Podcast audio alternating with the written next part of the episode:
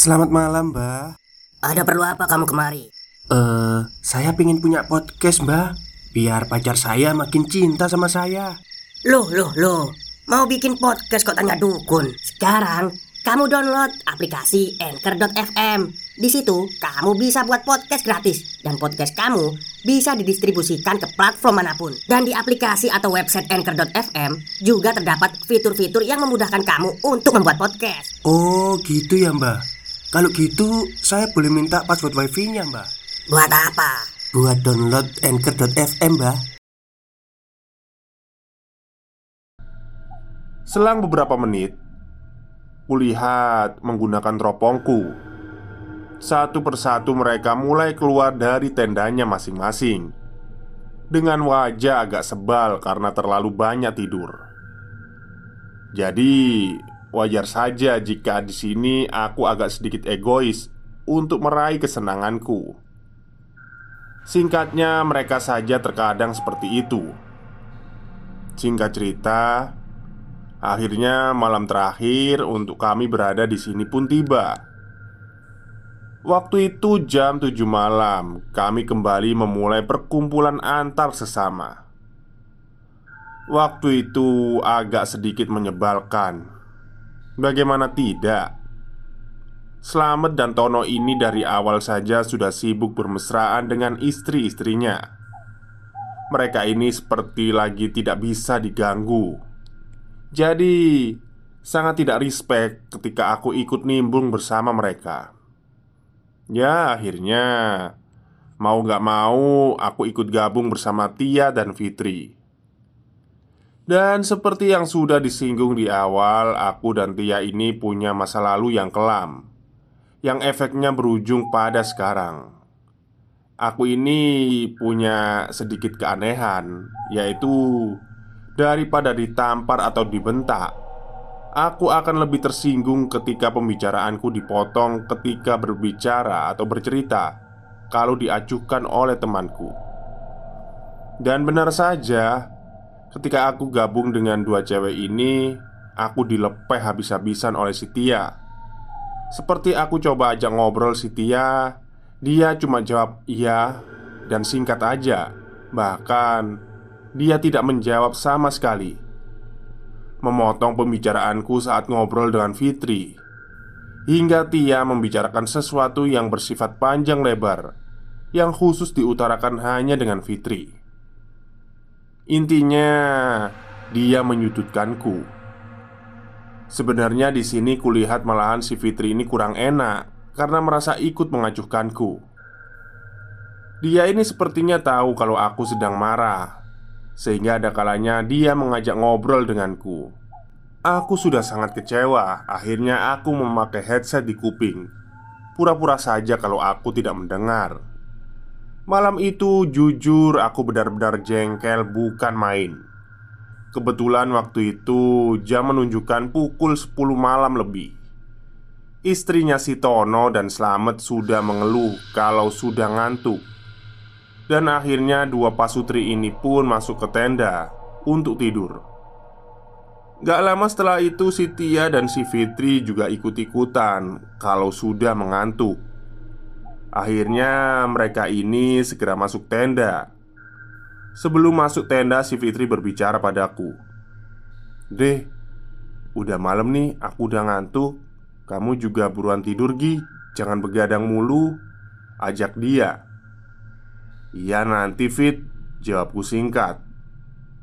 Aku di sini sebenarnya sama sekali nggak marah. Namun Fitri ini memang dasarnya orang memang lembut dan gak cuek. Jadi wajar aja kalau dia tetap ramah padaku Saat Sitia dan Fitri sudah masuk tendanya mereka Aku masih duduk mematung di tempat Sambil masih memendam amarah yang masih begitu kuat Akhirnya aku masuk untuk mengambil senter, senapan berburu, dan pisau komando untuk berjaga-jaga.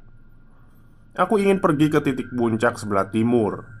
Di situ adalah perbatasan antara Bukit Batu dan Bukit Tanah. Sengaja aku tidak membawa HP karena aku ingin tenang sejenak tanpa bermain HP di sana.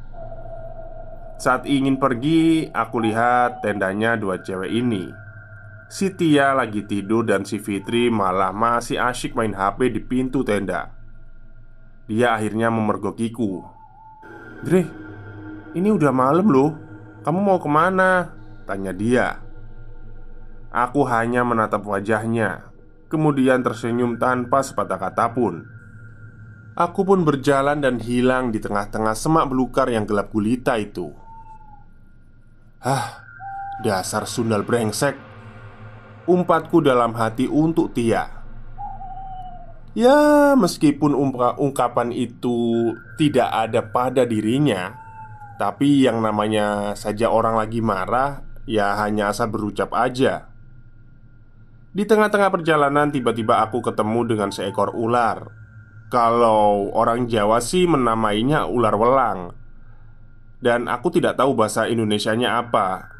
Tapi mitosnya jika kita berpapasan dengan ular ini di malam hari, itu tandanya kita dikode disuruh putar balik dan dilarang untuk meneruskan perjalanan.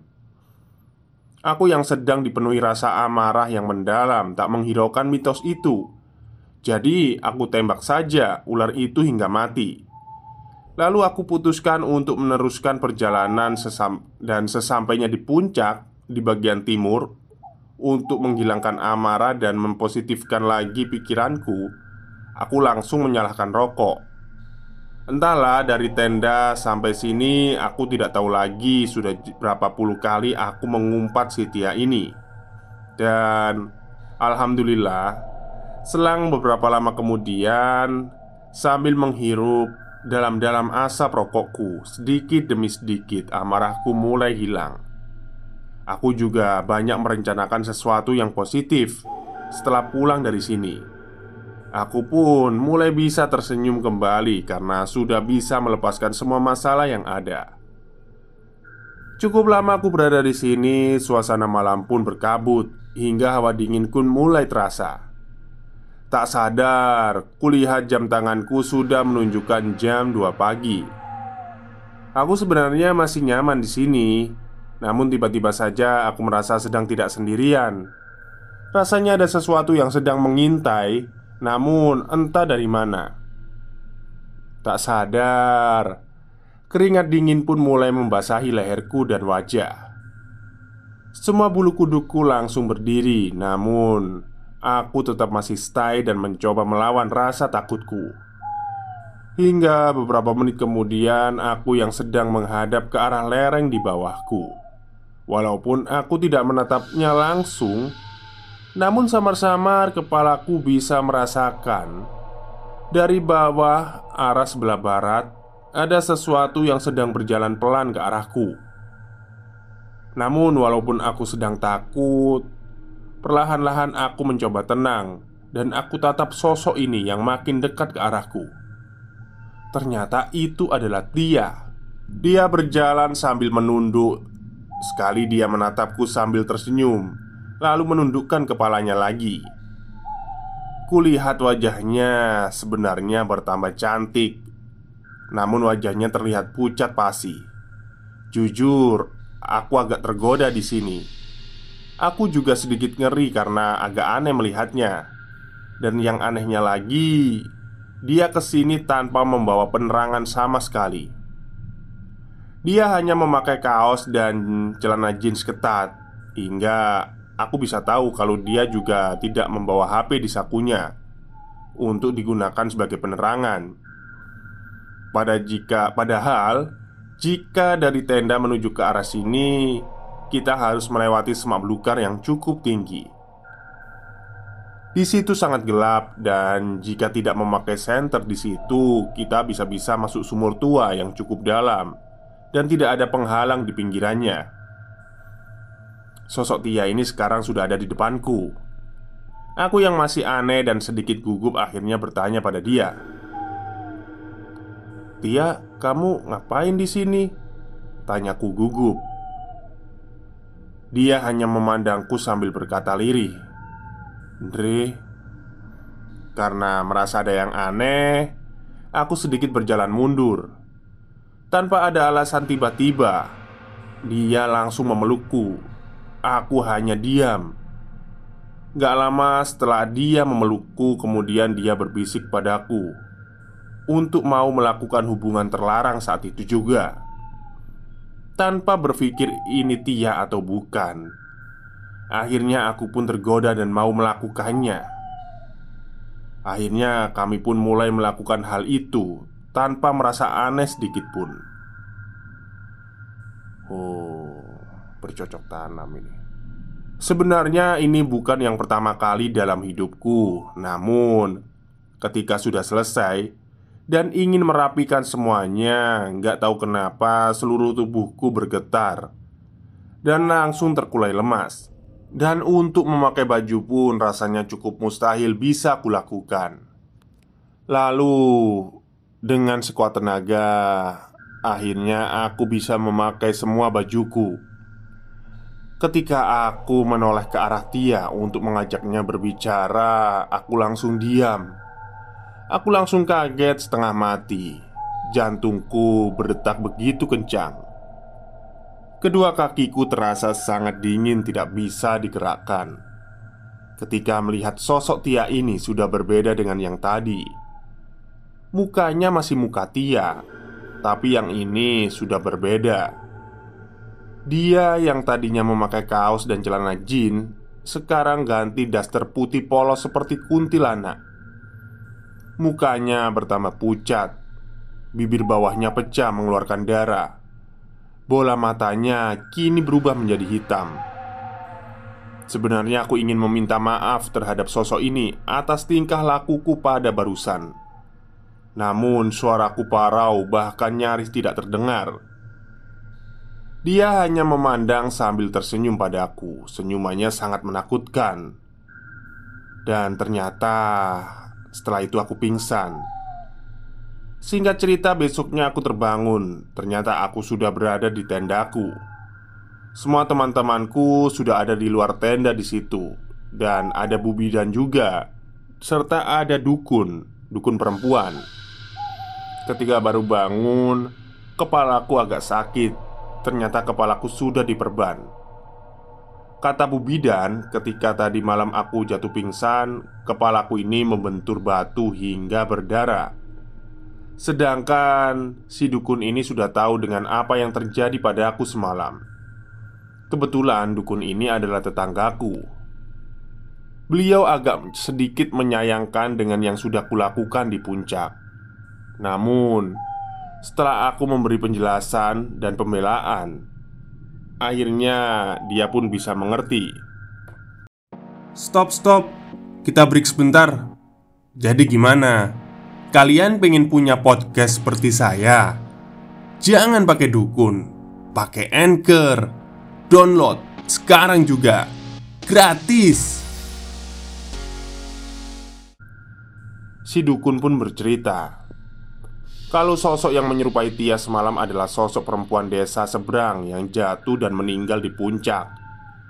Dia juga berkata, kejadian yang menimpaku semalam dikarenakan karena pikiranku yang banyak kosong selama di puncak. Nyi Dukun akhirnya tahu tentang perselisihanku dengan Tia. Tia pun akhirnya dipanggil. Kami disuruh berjabat tangan untuk saling memaafkan. Akhirnya, setelah waktu duhur, dengan keadaanku yang masih lemas, kami pun pulang ke rumah masing-masing. Pengalaman itu terkadang masih berkecamuk di pikiranku dan masih teringat hingga sekarang. Demikian ceritanya Mas Jo, mohon maaf kalau kata-kata dalam ceritanya agak sedikit berantakan. Sekian dan terima kasih. Oke, itulah akhir cerita yang saya ceritakan pada siang hari ini dari subscriber saya ya melalui email. Namun emailnya tidak saya sebutkan di sini karena sifatnya privasi dan ceritanya juga agak uh, vulgar mungkin ya. Jadi ada beberapa nasihat dari saya untuk aktor utama dalam cerita ini jadi yang pertama Kalau saya lihat dari ceritanya ini Hubungan pertemanan kalian itu kayaknya nggak sehat ya Toksik gitu ya. Karena apa? Harusnya kan reuni gitu kan katanya. Tapi kok malah Kayak ya udah seneng sendiri aja gitu kan. Seneng sendiri itu maksudnya ya saling di egonya sendiri-sendiri ketika ada di sana Ada yang sama istrinya lah Ada yang masih bermusuhan atau gimana gitu kan ya. Terus yang kedua Ini sih uh, nasihat saya aja gitu ya.